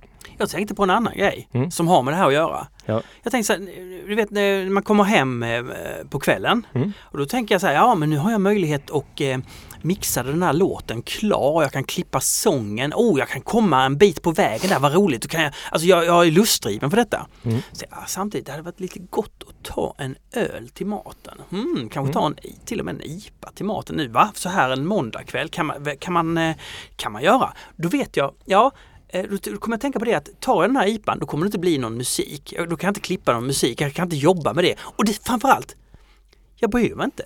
Jag, det är precis som att den här det, det är precis som att den här lusten och viljan att göra musik den avslöjar sig som en prestationsgrej. Mm. Jag måste ta mig framåt, jag måste leverera. Det är så mitt människovärde bedöms. Men dricker jag ölen så blir jag mer ett djur som inte bryr mig om det här. Du, du bryr jag mig bara om, om mat och sex. Ja. Så att säga. Så att då, då, nej men alltså, eh, då, då försvinner den här prestationen. Ja. Är det inte något väldigt bra? Alltså att jag bara är, jag kan bara, jag kan bara sitta på en parkbänk och hinka öl. Jag behöver aldrig leverera, prestera någonting. Jag kan bara vara människa, jag är bra som jag är. Jag behöver inte bevisa mig. Är du med? Det finns ju liksom en... Det är klart att jag vill prestera, jag vill ju göra någonting som, jag, som i Ja, sig... men, alltså, det finns ju en balans i det här Martin någonstans. Ah. Så här, det är ju inte så att du behöver... Det är inte antingen eller? Det, nej, jag tror inte det behöver vara så. Tänker så. Eh, för vissa personer så tror jag det är så kanske. Mm, Det är liksom, de, de är ytterligheter, eller så här, de, de, de är ytterlighetsmänniskor. mm. Att det är så här att det är av eller på liksom. Ja. Men för de flesta människorna så tror jag att det finns en balans i det här. Eller? Bra. Ja men det är bra. Ja men det var, jag bara, det var bara en Men jag tanke som... kan ju uppleva så här, typ saker som jag drivs mer av så här. Men jag har ju såklart, nu har ju öl blivit någon form av som någonting som jag gör av eh, för mitt levande skull också. Att jag Mm. faktiskt tjänar pengar på det och Mm. betalar min hyra med att göra öl och så. Men många saker, många vissa saker av öl är ju då fortfarande någonting som jag inte gör för att jag gör ren passion liksom. Jag vill nu har jag passionen kvar mycket, mycket mer i det receptskapandet och den typen av grejer medan vissa saker, typ skicka e-mails hit och dit om Mm. beställningar och svar på frågor om festivaler och allt så här. Det är kanske det som det är inte lika roligt faktiskt. Nej. Men till exempel den receptskaparen där, om jag tar en öl med det Ja. så får jag oftast mer energi eller så här, Ja. jag får mer kreativitet. Jag kan liksom Speciellt då, ja men jag drack en Old Foghorn igår för att jag faktiskt jag ville tänka lite på barley wines och sådär och jag, Ja. men jag måste gå tillbaks till den här, liksom en av de här lite mer klassiska av de nya barley winesen någonstans ändå Mm. liksom och bara se hur den var liksom. Och det var liksom så här, det får igång min tanke, jag kan sitta och liksom reflektera över Mm. den typen av öl och så. Så det finns ju, jag vet inte, det kanske betyder att din, om du behöver fixa en låt, det kanske inte är så mycket passion längre om det inte heller hjälper med lite stimuli av alkohol. Nej, men alltså jag, för, för mig, då, då kommer vi till det som vi har pratat om tidigare, att, att hörseln Ja ja. försämras precis. direkt av alkohol. Ja. Eh, det kan vara ganska lite och plötsligt så hör jag inte, jag kan inte få en helhetsuppfattning av musiken utan jag hör plötsligt bara, och där är basen. Ja Mm. men jag måste ju korrelera den i, i förhållande till övriga. Eh, ja, ja.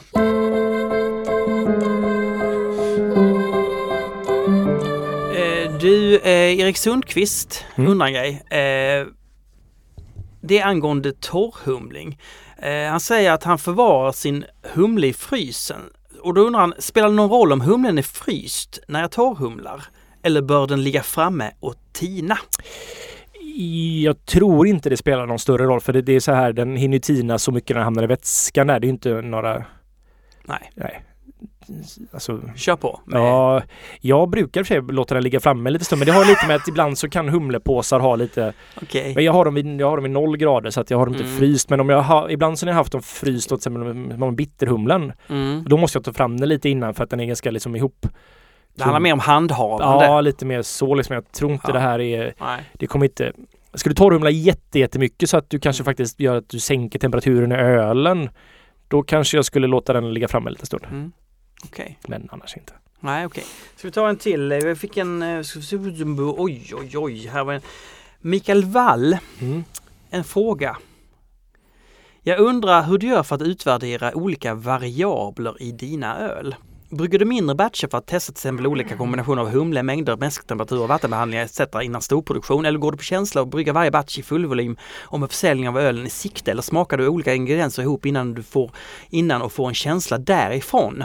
Eh, han undrar för att han brygger ju själv 9-10 gånger hemma och skulle egentligen vilja brygga samma batch flera gånger men, men han vill också brygga, hinna brygga olika, flera olika stilar. Hur ska, hur ska man göra Olle? Ja men det här är ju... Mm, Jag, hur gjorde du när du var... jag bryggde ju enorma mängder som hembryggare. ja, du bryggde inte 9-10 gånger, du bryggde 100 gånger. Ja, Eller vadå? jag tror jag var uppe i, ja över 100 var uppe i innan jag- Åh, herregud, jag startade. ja. När jag började brygga på Stiberg på heltid. Och Okej. slutade hembrygga. Så det är ditt tips, brygg jättemånga fler. Brygg.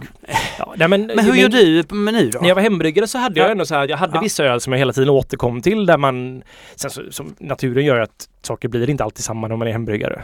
Nej. På vad månaden står och allt möjligt och Mm. sådär. Okej. Eh, Ja. Nej men och så är det fortfarande när man är kommersiell bryggare får man väl säga till också. Men ja, alltså jag hade öl jag återkom till hela tiden och öl som att, ja men gör en blandning mellan det här liksom hälften hälften ungefär. Mm. Att öl du återkommer till där du kanske ändrar en variabel Mm. hela tiden. Och så öl som där du gör nytt hela tiden liksom. Mm. För att det som. När jag, när jag brygger våra öl så är det ju väldigt skönt att ha att vissa öl gör man om och om igen, typ Narangi, Evergreen och de här. Mm. Medan ja, det jag, för då har jag en baslinje liksom.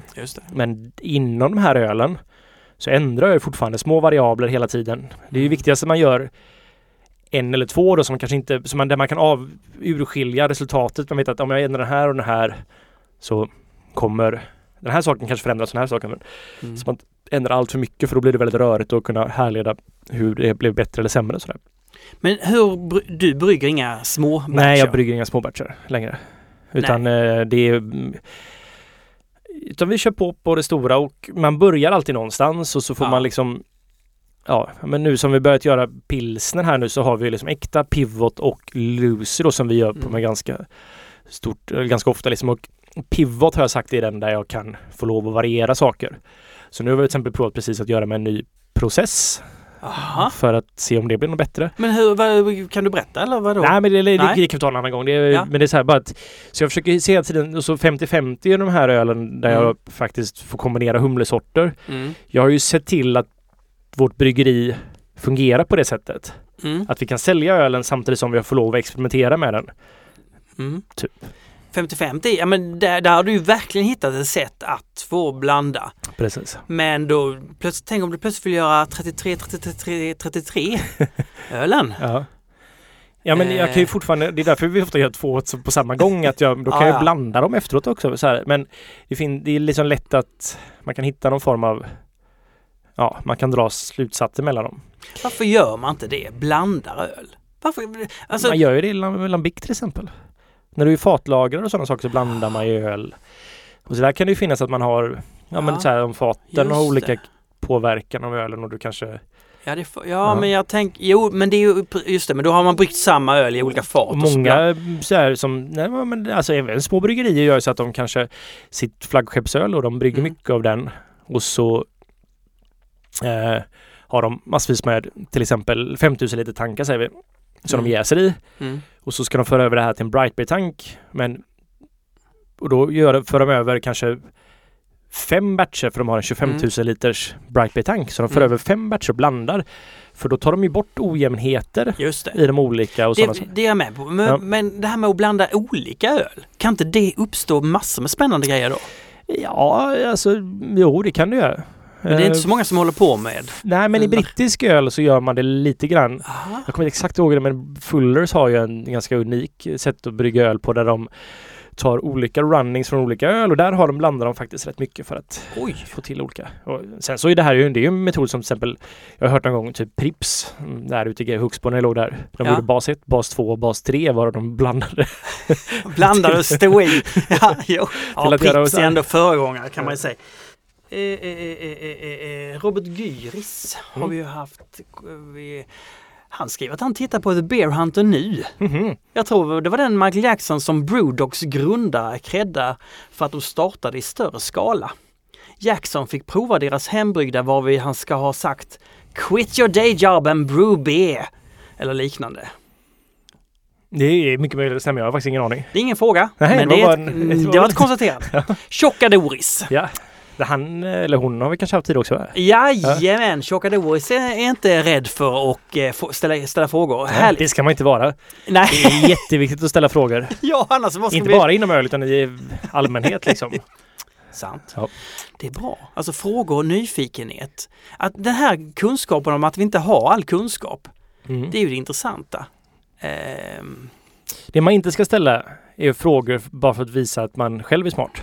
eller om man vill ligga. Du, eh, fast jo, då ska man ju ställa det om man vill Ja, ligga. Ja. men man ska inte bara... Du, eh, Tjocka Doris tycker att vi ska berätta lite mer om Evergreen Mhm. i någon podd.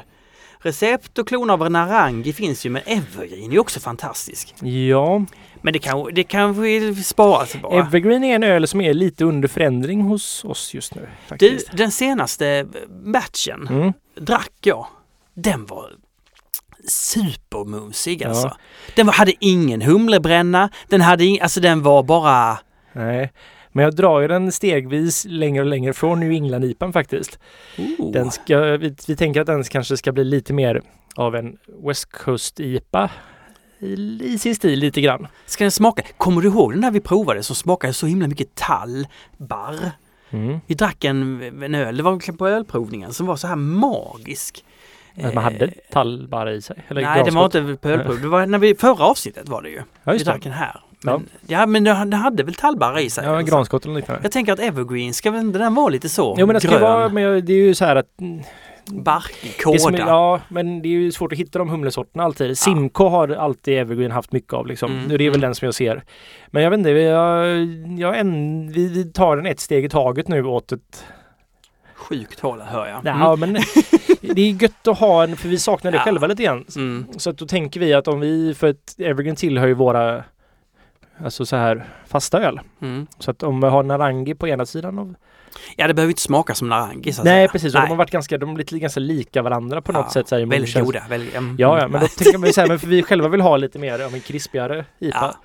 Med kanske inte så lika mycket haze i sig. Ja. Så då får Narangi stå för det och så får den här stå för lite mer den. Okej, den är ja. under förändring och då kan vi inte säga mycket mer om det. Nej, men vi kan väl sagt- återkomma till det lite senare. Det, det är bra. Ja. Men det, det är mycket Simcoe och så är det ett väldigt simpelt maltrecept på Ja. liksom lite vete, lite karamellmalt, sen så en ljus pale ale malt.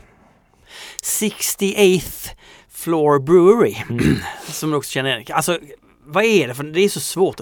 Hur som helst. Eh, Finns vore- så höga hus i Sverige? kan man bo så högt upp? Nej, ja, nej. Inte i Göteborg i alla fall. Jag har ingen aning. Nej, inte Nej. Göteborg. Vad kul om ni tog upp ämnet humlebränna. Ja.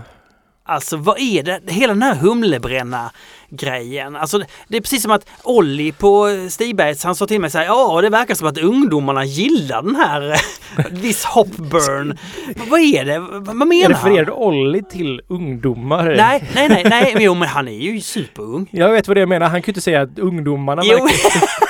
Det är som nej, att jag vet, jo men han beter sig, han- klart han har sin brittiska engelska och allting. Han, han känns ju på ett, på, ja, på ett annat sätt inte. Hur som helst. Han är väldigt mogen för sin ålder. Han, ja, han, eh, han menar att det verkar som att många gillar det här med humlebränna. Mm. Är det så? Ja, men det är det faktiskt. Jag ser det ganska ofta att folk så här och jag ser oftast öl som får väldigt höga betyg och folk beskriver väldigt positivt om dem. Mm. Och så dricker jag, provar en och så är det som att jag bara vill spotta ut det här och hälla ut det för att det smakar bara, det bränner bara. Ja, det är stickigt och det är liksom besvärligt och det är... Ja. Ja. Och vissa bryggerier har nästan alltid det här. Men det är märkligt. Vilka då? Eh, Jag kan tycka att Wilhelms öl ofta, Ja. ofta har det. Oj. Väldigt, väldigt ofta har de en humlebränna. Men... Och Ja. för mig, alltså, Vad är det? det för- tar ju bort väldigt mycket av det som jag, för det, fin- de är ju väldigt goda på andra sätt. Så det är som att så här, man har en, en bit som inte är så god. Och jag, jag, det här har ju, jag vet inte hur- när och var det här hände. Jag har ju alltid försökt undvika humlebränna. Det har hänt att våra öl såklart också har humlebränna. Ja. Eh, men jag kommer ihåg, det, alltså det är ju folk som upplever det som något väldigt positivt att den hade bra humlebränna och sådär och Alltså man får tycka vad man vill och sådär smakmässigt men jag, jag kan inte riktigt förstå det. Jag, jag ser ingenting positivt med humlebränna för jag tycker det är liksom för ta bort mycket av det, det goda. ja, det är ju som en skarp liksom, eh, någon, någon kissar en i munnen liksom samtidigt. Alltså man får, alltså det är verkligen märklig... eh, Ja, jag tycker inte det hör hemma alls faktiskt. Det Nej, men, men vad, hur uppstår humlebränna? Vet du det? ja, men det är ju torrhumlingen som gör det och jag tror det handlar om Ah. Jag har upplevt humlebränna till exempel när man har cirkulerat en öl. Eh, att man har, jag brukar torrhumla och så låter jag det bara falla genom tanken och så får jag ut oljorna och aromerna på det sättet. Ja. Eh, många bryggerier eh, cirkulerar. För Pratar du att, centrifugera? Eller nej, cir- cirkulerar en torrhumle liksom så att Ja. man kanske, man, då behöver man inte torrhumla lika länge då för då får man ut det här Ah, utbudet så, här, ja. så att man, man har en pump utanför då, ja. tanken. Ja. Slangar uppkopplade så att man liksom cirkulerar så att Ja. det blir rörelse och samtidigt som man doserat in då eller har man, så har man Ja. doserat i humlen innan. Och då går det mycket snabbare, det är en tidsaspekt och sådär. Och vissa Mm. säger att man får mycket, mycket bättre arom och smak. Jag tycker inte det är så. Jag tycker det här blir ofta Mm. väldigt ansträngt. Humlebränna, det blir nästan som ett så här du skra, eller som verkligen som en disktrasa så här, får ut det sista, sista, sista liksom. Och det är inte alltid positiva egenskaper. Jag tycker jag har upplevt en bättre arom när jag, när jag i alla fall, eh, torrhumlar. Ja. Många, det vill säga Olli, har sagt till mig så här, ja, men man får om man, eh, vi sätter den ölen på flaska nu. Det var en period där Stigbergs fick väldigt många humlebränna-öl. Mm. Eh, Det var ett halvår sedan ungefär, eller nej mer, kanske mer till och med vår, förra våren. Och då sa han bara, ja, det här, och det var då han sa, ungdomarna kommer att gilla det här, men, men eh, om det, vi väntar någon vecka på flaska så kommer det att lägga sig, Mm. menade han.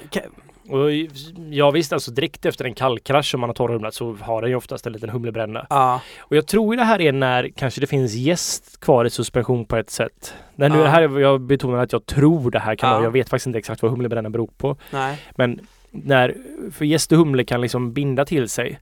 Mm. Jag tror det kan vara att när de två på något sätt i symbios gör att det blir en humlebränna liksom. Att gäst, eller humlan gör att gästen inte flockulerar ut och de här två binder ihop på något sätt som gör att det blir en Mm. det blir mycket koncentrerat på ett sätt. Mm. Eh, Så, här, så att du, när du dricker det så, så smakar det så blir det som att det bränner i halsen. Mhm. Helt enkelt. Ja, just det. Ja. Mm. det Men så är det ju så här att och jag tror det här är, finns en Humlebrännan är på samma sätt som för inte så jättemånga år sedan så var det liksom så här IBU-hysterin, vem kunde göra den bäskaste ölen? ja, Det är liksom samma sida, det är som, vad säger man, samma sida av samma mynt. samma sida av samma mynt, men jag vet inte. Det, är- samma, ja, men vad, heter, vad, vad säger man? Man säger en, ah, en annan sida av samma mynt. Ja, Eller är är det, det- samma sida av Det andra sidan av myntet. Ja. På an, nej, jag vet. Jo men det här är samma sak fast Ja. I en ny version att folk Mm. vill bara att det ska smaka så mycket som möjligt och det där är en smak som är tydlig Mm. men kanske inte så angenäm. Precis som jag kan tycka att alldeles för bitter öl inte alls är användningen heller, det Nej. bara förstör också. Men sur, sur öl kan ju vara väldigt sur och god. Jag tror också det här är lite av Är det fel? Alltså också just idag så har jag upplevt att väldigt många som bara så här, Ja. oh vad surt det här var, var gott. Nej men jag tänkte, om smakade du den, eh, den eh, som Stibergs gjorde, den Mm. första surölen de gjorde? Den blir supersur. Mm. Men jag tyckte den var god. Ja, Det, nej, nej, det klart att inte du tyckte den var god, men... men det, nej, alltså Ja. det är klart att när man, ja, det, fan, det kanske bara var att den, den var röd, den var så himla fin i Ja, färgen. precis. Man blir, men jag upplever Ja. samma sak så här att inom suröl också att så här folk är typ att desto surare desto bättre, desto, bet- Ja. desto surare en öl är desto Ja. bättre är surölen. Men så sitter man där och bara så här, det luktar ju bebisblöja och Mm. spya liksom. Ja, men Mm. det är surt. Det är gott. Nej men det är klart, alltså om och där tar... befinner vi oss också i så här, det är en omogenhet i smaker. Vi har ju Mm. lämnat IBU-hysterin. Mm. Vi kommer också lämna att folk tycker gott med humlebränna tror jag.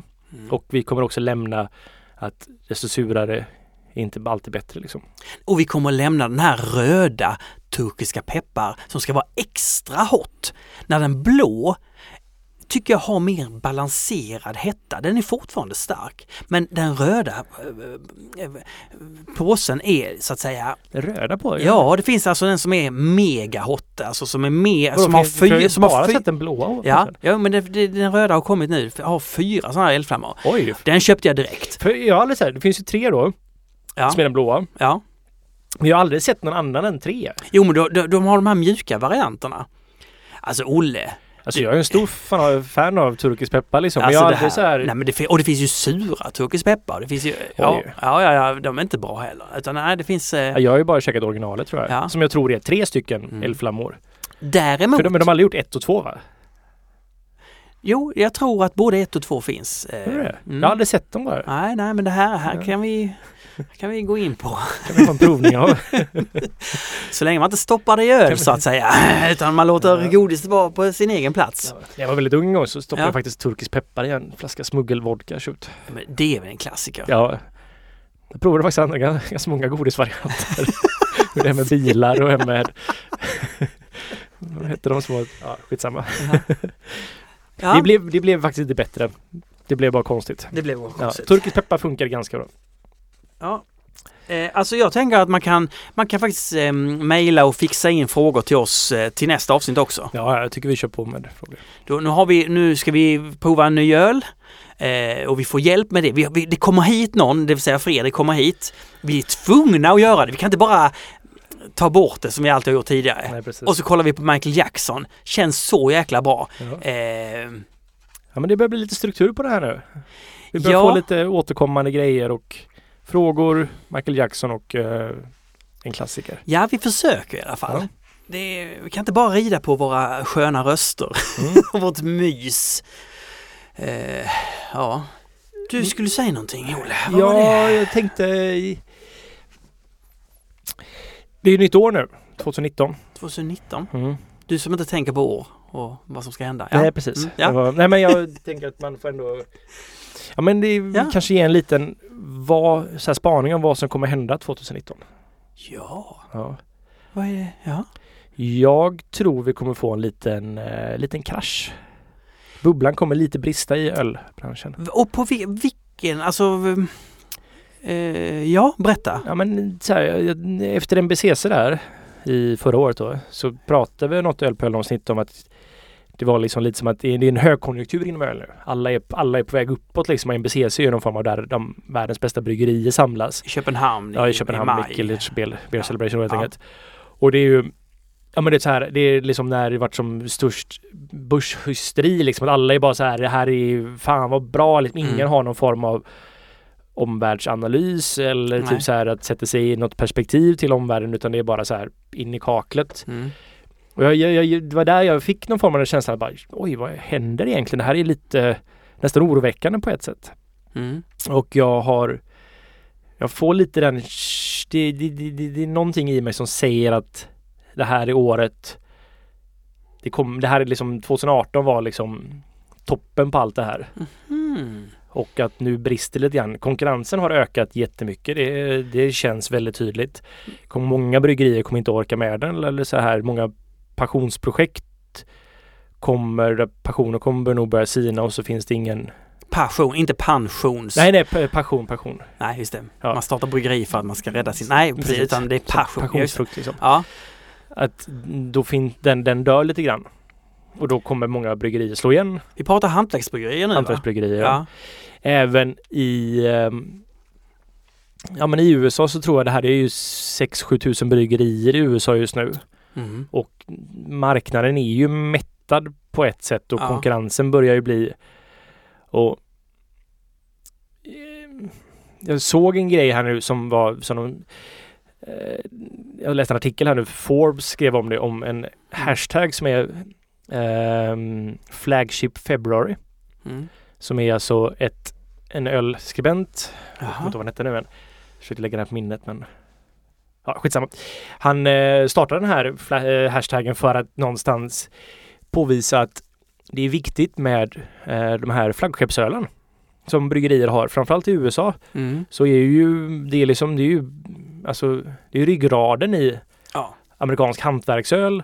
De här liksom Anchor Steam och det här em, typ som Sierra Nevada Pale Ale. Vi har Mm. det finns ju massa sådana här regionala öl i USA nu som är liksom Ja men jag tar en, en låda av de här plus lite Mm. andra öl men Ja. det där är det min basöl jag har Ja. hemma. Ja. Marknaden idag är ju något helt annat och det är väldigt många som börjar skruva på sig kring det här att det finns ju någon alla öl ska vara nya öl. Mm. Vi ser ju det här i Sverige jättemycket också att ringer man en krog och så här, ja så här, hur gick det med Narangi förra veckan? Ja. Du, den sålde slut på två dagar. Alla var jättenöjda så här, ja men vill ni ha ett till fat? Man, Nej, vad har ni för nytt? Ja. Man bara, "Eh, Men det är ju de, det är ju de, alltså de tror, det är ju vissa då eh, pubbar och restauranger som, som profilerar sig som att, det att de, de tänker att det kommer ölnördar hit och ska ha det senaste. Mm. De, eller de tror det i alla fall. Men Jo men det är så här, Eller? men tänk, Ja. nu i USA så har ju då försäljningen av de här flaggskeppsölen gått ner ganska mycket. Mm. Och det börjar bli ett problem för de här bryggerierna. ja, ja. För att, och det här är det, är det som, här som jag tror är lite, jag är orolig för faktiskt. Mm. För nu har ju då, det här är vad de stora bryggerierna gått och väntat på. Att den här, Att Mm. året då toppen nåddes. Mm. För nu då så börjar ju då i konkurrens mot engångsöl Mm. som kanske är bra, kanske dåliga. Mm. Men alla de här engångsölen har konkurrerat ut en viss del av försäljningen av de här flaggskeppsölen som är någonstans. Mm. Det är där bryggerierna tjänar sina pengar. Just det. Och helt plötsligt när, när det är dalande försäljning av de ölen. Mm. De här bryggerierna har inte sparat ihop massa pengar för att för den här dagen. För att då kunna, det som behövs nu från dem är att de behöver marknadsföra ölen, Mm. vilket de inte Mm. riktigt behövt göra tidigare. Däremot de bryggerier som blivit uppköpta av stora bryggerier, de har de pengarna. Mm. Du vet det alltså i marknadsekonomi, då är det de stora som, som vinner Mm, till slut. Ja. Så det, är- det är det som jag är lite orolig för. Mm. Men eh, och den här Flagship February är ju verkligen, det är ju då för att man ska uppmärksamma att köp de här core brandsen också. i Ah. USA då. Så att många barer i USA har gått över till att eh, liksom eh, nu under februari ska de sälja då Mm. de här ja, men klassiska ölen till ett ganska förmånligt pris bara för att så här Mm. glöm inte av att de här finns för de är ju faktiskt väldigt bra också. Bra. Du, du har ju hittat den geniala lösningen och det är ju dina 50-50. De är hela tiden nya men det är samma uttryck på burken eller på... Ja, men- Ja men det är ju ett sätt så här, man hittar Ja. en kompromiss med saker. ja, Det här är ju- det, är det faktiskt. OO är ju någonstans, vi är ju inte ett bryggeri som många bryggerier idag jag vet inte, de har ju inga core brands. Jag vet inte vad man ska säga på svenska med de här flaggskeppsölen. Mm, ja. Som är liksom de de alltid försöker ha tillgängliga och Mm. hela tiden. Vi kör ju liksom lite 50-50 med det också. Att Mm. vi har Vi har vår fasta öl, vi har öl som vi gör som jag kallar iblandöl. Typ. Vi har dem ibland. ja men det är så här, Ja, de är inte ja, säsongsbetonade de ja. är utan de är de Mm, ickor gör vi när vi känner för det. mm, Liksom. just det. Och, nej men, och det är så här, eh, alltså Charlie Papazian som är liksom en av han som startade hembryggning i USA. Startade han hembryggning? Hur- Ja, i stort sett. Vem är han? Charlie Papazian. Han har, han har skrivit The Joy of Homebrewing och han Okej, är liksom han- ja. Han har uttryck som Don't worry, have a home... Nej, relax, don't worry, have a homebrew. Okej, okej. Nej ja. men han är, det är en, eh, Ja. det är liksom, han var pionjären inom hembryggning i USA Mm. och eh, ja, en av de här utan honom så hade det gått mycket långsammare liksom. Men han Okej, hade så här, han hade lite frågeställning så här, vilka är det egentligen? Är det konsumenterna som bara driver på den här hetsen om att hela tiden ska finnas ny öl? Eller är det distributörerna som gör det? Mm. Eller är det någon blandning där? Och där tror jag det kan vara att konsumenterna vill delvis ha det. Distributörerna inser att vad enkelt det är att sälja sån öl. Mm. Vill för att ha mer. Så det blir liksom en, så att de, det är en katalysator för konsumenterna. Det blir liksom nästan den här överdrivna twisten på det. Eller att det blir så att det är så överdrivet gör att distributörer är lite lata i det här fallet Mm. också. Just det. Ja. Men ehm, ja. Och det är så här. Evil Twin till exempel klagade över hur att han saknade tiden om man bara liksom inte behöver hitta på nya öl hela tiden. Och han är väl en av de som har drivit den här trenden så jag tyckte det var lite fånigt men Ja, det är ett problem liksom. Mm. Öl, det är inte liksom bara, allting är inte bara roligt längre med öl. Eller Oh. hantverksöl. Utan jag tror att det här 2019 kommer bli året att folk vaknar upp till en realitet som är så här att hur ska vi få det här allt att fungera liksom? Just nu så är marknaden i väldigt mycket obalans här. De stora hantverksbryggerierna i USA kommer få det svårt. Mm. De små kommer få jättemycket ökad konkurrens också. För att det finns för många helt enkelt. Så att det är liksom, det är många sidor i hantverksöl som just nu under 2019 kommer vakna upp till att vad ska vi göra med allt det här? Men det är det naturliga urvalet. Det Några det. ska dö, det ska vi ska gå in i mörker för vissa och så vidare. Gött Olle. Mm. Eh, mastodontinspelning. Ja, det blev det faktiskt. Det är vår, nya grej tror jag. ja. Eh, då tycker jag att det här med mm, Patreon är bra. Gå Mm. in och skaffa dig, mm, ge oss, alltså ge oss en liten slant per avsnitt. Eh, så kan vi fortsätta att göra det. Mm. Alltså det, det kanske är många som tvivlar och säger så här, nej men ni skulle nog gjort det här i alla fall, ni verkar ha det så mysigt. Det har vi, vi har det supermysigt. ja. Men, eh, men eh, i en tid av att man, ja och så vidare och så vidare, så eh, tänker jag att det kan bygga upp en bas till till exempel till att eh, skaffa lite merch eller skaffa möjlighet att göra live eh, poddar eller så vidare Ja. också. Just nu så det, det kom, om vi ska göra det här bättre så kommer det ta bara mer och mer av vår tid. Så då behöver vi också liksom känna att vi inte tar för mycket av från det som gör att vi kan betala vår hyra och sådana saker. Typ så. Ja, Ja. Eh, tack så mycket till eh, Ina. Ida. Ja, som klipper det här. precis. Och sen så går med i Svenska Ölfrämjandet. Ja. Får man Maltesen. Sen så kan man prenumerera på Care of Hops också som är en väldigt bra tidning. Absolut. Caro Hops, glöm inte det. Nej, Eh, det enda vi har kvar i Sverige. Nej, men eh, vi ses om en månad. gör vi.